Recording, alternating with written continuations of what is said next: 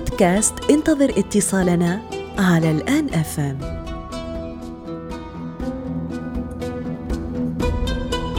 عسلامة ومرحبا بكم الناس الكل. أهلا وسهلا بكم في حلقة جديدة من بودكاست انتظر اتصالنا.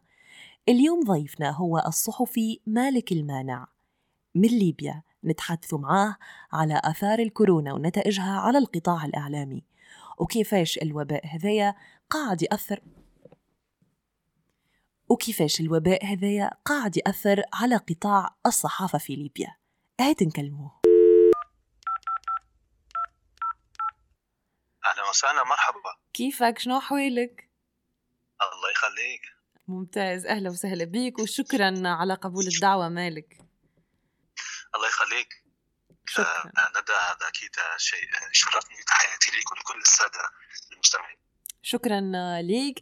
آه، كما حكيت لك قبيلة في الأوف برنامجنا هو آه، موجه من وإلى المستمعين في في ليبيا في في اليمن وفي كافة الدول العربية. بس آه، أنا اتصالاتي عادة تكون مع الأصدقاء الليبيين. فحبيت أسألك شنو أحوال ليبيا؟ شنو الأخبار على المستوى الاجتماعي وكذلك المستوى الصحي في هذه الفترة؟ بكل تأكيد يعني لا يخفى علي جل العالم الأوضاع اللي تمر بها ليبيا واللي حقيقة أصبح يعني عدم الاستقرار هي سمة مميزة لهذا البلد. هذا الشيء يعني ليس مستغربا في دولة يعني تشهد الكثير من الصراعات منذ سنوات عديدة. هذا الشيء له انعكاساته السلبيه بكل تأكيد يعني. يعني نحن نتابع دول مستقرة جدا من كل الجوانب يعني الجوانب الاجتماعية، الجوانب الصحية، الاقتصادية ومع ذلك يعني شهدت واسمح لي أن أسميه بكابوس الكورونا يعني أصبحت يعني هذه الدول تواجه صعوبات كبيرة. فما بالك بالدول التي يعني تشهد عدم استقرار تشهد صراعات سياسية وصراعات عسكرية أيضا يعني كبيرة؟ فهذا يعني هذا الأمر يعني ينعكس بشكل سلبي على كل مناحي الحياة والناحيه الصحيه هي أحد أهم يعني الجوانب التي يعني آه، انعكس عليها هذا الصراع بشكل واضح جدا. أنا حبيت نسألك مالك من من زاويتك أنت ك آه، كفاعل في القطاع الإعلامي. آه، ما الذي تغير يعني مع دخول أزمة الكورونا على الخط في التعامل الإعلامي مع الجمهور الليبي؟ يعني أنت شخصيا كيفاش عشت التجربة هذه على المستوى المهني؟ فيما يتعلق بالمادة الإعلامية المقدمة للسادة المتابعين سواء كانوا مشاهدين أو مستمعين أو حتى قراء لا شك أن الكورونا أصبحت يعني تأخذ جل اهتمام هذه المؤسسات الإعلامية. آه، آه، يعني سواء كان المؤسسات الإعلامية تقدم مادة إعلامية اجتماعية أو سياسية أو حتى رياضية يعني. فيعني الاهتمام أصبح منصب على مواجهة هذا الفيروس. ولا شك إن يعني أكيد يعني هناك عدة يعني مواضيع آه، يتم طرحها في خلال السنوات الماضية في يخص يعني الملف الليبي يعني والسياسة كانت يعني تأخذ النصيب الأكبر في هذه المادة يعني الإعلامية إلى أن استجد يعني آه، فيروس كورونا اللي أتمنى أنه ينتهي في العاجل. واصبح يعني هناك منافسة كبيرة بين المادة الإعلامية ذات المحتوى السياسي والمادة الإعلامية اللي يعني تتحدث في يعني تتحدث حول فيروس كورونا وكل ما يتعلق به. أنت هون حكيت في نقطة مهمة جدا مالك نحن نعرفه في الميدان الإعلامي وقت تكون فما العديد من المشاكل بعض الأحيان مشكلة تخفي أخرى بمعنى أنه في أشخاص يستغلوا الحيز الإعلامي لوجود مشكل آخر مثل الكورونا مثلا لتغطية مشاكل أخرى وجذب الاهتمام لمشكل معين وهو الكورونا هل أثر هذا على آه، تلقي المستمع أو المشاهد الليبي للمعلومات التي آه، متصلة بوضعه السياسي والاقتصادي؟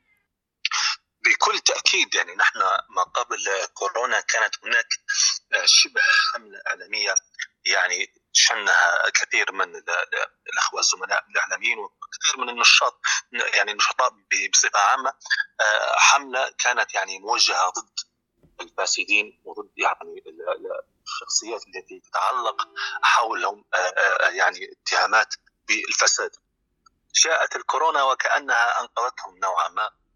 وكأن يعني هؤلاء الأشخاص استفادوا من يعني ظهور فيروس كورونا واتجاه كل العالم إلى متابعة أخبار الكورونا ويعني وكأنهم أحبوا هذا الشيء وأحبوا أن يكونوا في منطقة الظل بشكل مؤقت إلى أن ينتهي هذا الكابوس عندها سيكون يعني هناك لكل حادث حديث. هذا الشيء ليس في ليبيا فقط. يعني نحن يعني كنا نتابع إذا رجعنا بالذاكره قبل كورونا وظهور هذا الفيروس. يعني في كل العالم يعني على سبيل المثال في فرنسا يعني قبل ظهور الكورونا كانت هناك يعني حملة احتجاجات كبيرة احتجاجات السترات الصفراء وكانت هناك مظاهرات وخروج في الشوارع وشبه يعني حالة فوضى في في فرنسا. وهناك يعني عدة مدن في في فرنسا كان هناك يعني فيها يعني شبه توقف للحياة.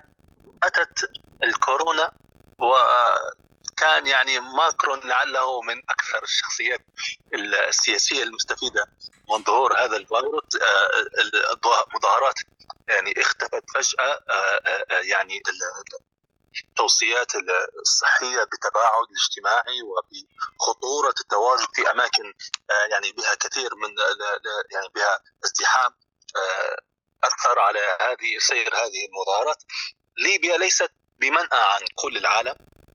ليبيا أيضا يعني تغيرت يعني خارطة اهتمامات الجانب الإعلامي بما يتعلق يعني بالفساد ومحاربة الفاسدين وعشان حرب ضد الأشخاص يعني اللي كان لهم يعني مواقف سلبية فيما يتعلق بالملف الاقتصادي في ليبيا والسياسي أيضا.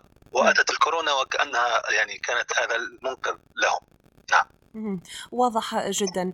أنا نعرفك مالك كصحفي وإعلامي وكذلك كمدرب في في المجال الإعلامي. حاليا عبر متابعتي ليك وشوفتي لبوستاتك على الفيسبوك هل قاعد تحضر في يمكن دورة تدريبية جديدة؟ وهل باش يكون فيها الحديث كذلك على موضوع مهم اللي هو الفيك نيوز اللي انتشر في الفترة هذه بطريقة كبيرة؟ يعني اليوم وقت اللي نحكي على الكورونا وعلى العديد من المشاكل. في بعض الأحيان ما عاد نفرق بين المعلومة الصحيحة من مصدر صحيح حتى نحن كمختصين في الشأن الإعلامي وبين مصادر أخرى من الممكن أنها تغلط المتلقي. أه يعني هذه طبعا أنا أعلنت عن انطلاق دورة في المجال الإعلامي والمجال الصحفي. كان الهدف من وراءها إذا عشان نكون معك يعني صريح كان الهدف من وراءها محاولة التعايش مع فيروس كورونا وكأنه أصبح جزء من الحياة وكأننا نحاول أن نخرج يعني من هذا السبات اللي اللي اللي أصابنا منذ ظهور هذا الفيروس ونحاول أن نتعايش معه وكأنه يعني احد إحدى الأمراض المنتشره العالم بشكل طبيعي مع أخذ الحيطة والحذر وأيضا الالتزام بالتوصيات الطبية في التباعد والبروتوكولات الصحية اللي المفترض أن تكون يعني ليس فقط يعني فيما يتعلق بالجانب العملي بل في كل مناحي الحياة. هذا كان السبب الرئيسي يعني لإطلاق هذه الدورة اللي هي سلسلة من الدورات في المجال الصحفي والمجال الاعلامي. أيضا لا أخفيك سرا يعني صحيح المعلومات المغلوطة حول هذا الفيروس اللي انتشرت في كل العالم ليس فقط في ليبيا ولعلها يعني يعني هذه المعلومات المغلوطة يعني لعلها كانت نتيجة أن هذا الفيروس جديد نوعا ما يعني حتى الجانب الطبي والكادر الطبي يعني لديه معلومات قد تكون متضاربة في بعض الأحيان. يعني بعض الأحيان يعني نسمع من يقول أن يعني التباعد الاجتماعي شيء مهم ومطلوب بشكل كبير ربما يعني أشخاص يعني أيضا الجانب الطبي والصحي ربما يفندون هذه المعلومات تظهر معلومات أخرى ليفندها يعني بعد مدة مؤسسات طبية أخرى. آه هذا التضارب في المعلومات ليس فقط يعني آه نتيجة يعني المعلومات الإشاعات أو الفيك نيوز كما كما يسمى بل نتيجة أن أيضا الجانب يعني الصحي طبيا فيروس كورونا طبيا مرض جديد فيروس غير يعني غير متوفر لدي حوله معلومات يعني كثيرة. أكيد جدا. حبيت نسألك مالك في في النطاق هذايا؟ اليوم كيف كيف ترى مستقبل مهنة الصحافة في ظل هذه الجائحة؟ لأنه حقيقة المهن تتغير بسبب هذه الجائحة وفي العديد من الدراسات أنه المستقبل سيكون العمل عن بعد ستتغير طرق العمل ستحتل الروبوتات ربما أماكن تنشيطنا في مقرات الإذاعات والتلفزيونات. فما هي رؤيتك لهذا المستقبل الذي في بعض الأحيان يتصوره البعض كأنه سيناريو هوليودي يعني؟ آه، المجال الصحفي والإعلامي يعني أخذ موقعه بشكل أكبر وأعمق والعالم أصبح يعني آه، يدرك أهمية يعني هذا المجال الإعلامي والصحفي بعد فيروس كورونا بشكل أكبر وأكثر. نحن نعلم أن يعني جل المعلومات المتوفرة حول آه، آه، هذا المرض وحول هذا الفيروس يتلقاها المواطنون بصفة عامة من الإعلام والصحافة بشكل كبير يعني. يعني الجانب الإعلامي والجانب الصحفي لم يتأثر بشكل كبير بظهور هذا الفيروس بل بالعكس يعني آه، يعني الإعلاميين والصحفيين كانوا وكأنهم مساندين بشكل آه، كبير للأطباء والكادر الطبي في نقل المعلومات الصحيحة وفي أيضا تصحيح المعلومات المغلوطة.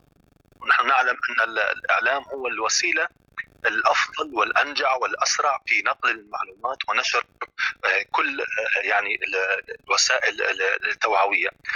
الصحافة والإعلام تلعب في ذلك دور كبير وعميق جدا لا يقل أهميته عن أهمية الجانب الطبي والكادر الطبي.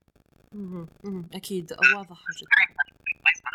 زميلة أسمحي لي أن أضيف أيضا أن الصحافة بدأت تأخذ شكل آه، جديد ليس يعني في عندما ظهر فيروس كورونا فقط بل قبل ذلك سنوات عديدة لا ننسى أن الآن حتى تواصل مواقع التواصل الاجتماعي بصفة عامة أصبحت يعني لون من ألوان الصحافة، لون لا يمكن يستغنى عنه، لا يمكن أن يقبل في هذا في هذا الوقت وفي هذا الزمن اللي أصبح يعني فيه ال social media اصبحت تغزو العالم بشكل كبير، فالصحافة أصبحت تأخذ وجه ولون التواصل الاجتماعي وال social media بشكل عام.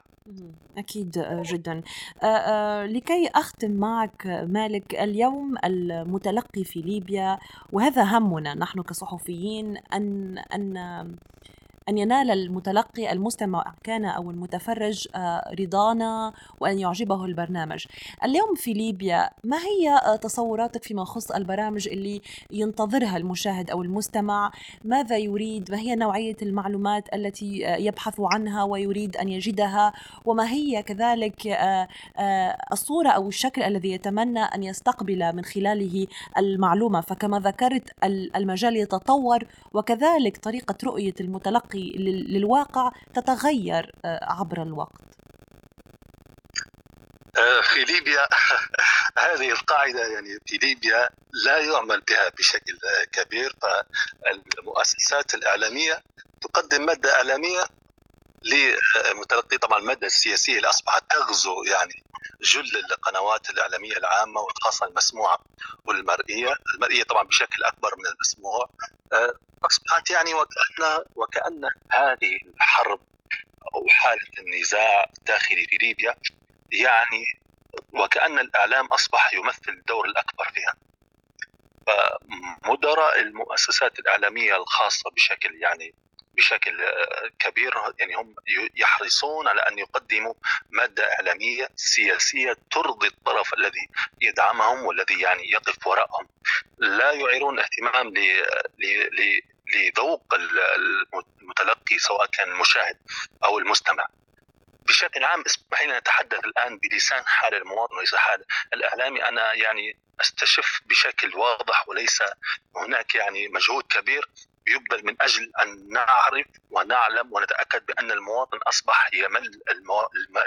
يعني البرامج ذات الطابع السياسي أصبح هناك نوعا ما تشبع من المواد الإعلامية المقدمة التي تحتوي على يعني محتوى سياسي. يميل المواطن أكثر إلى الم... إلى البرامج الاجتماعية إلى البرامج الرياضية برامج الطبخ أيضا. تنال حيز كبير من اهتمام المشاهدين لا سيما في مواسم معينة مثل شهر رمضان وبعض المواسم الأخرى.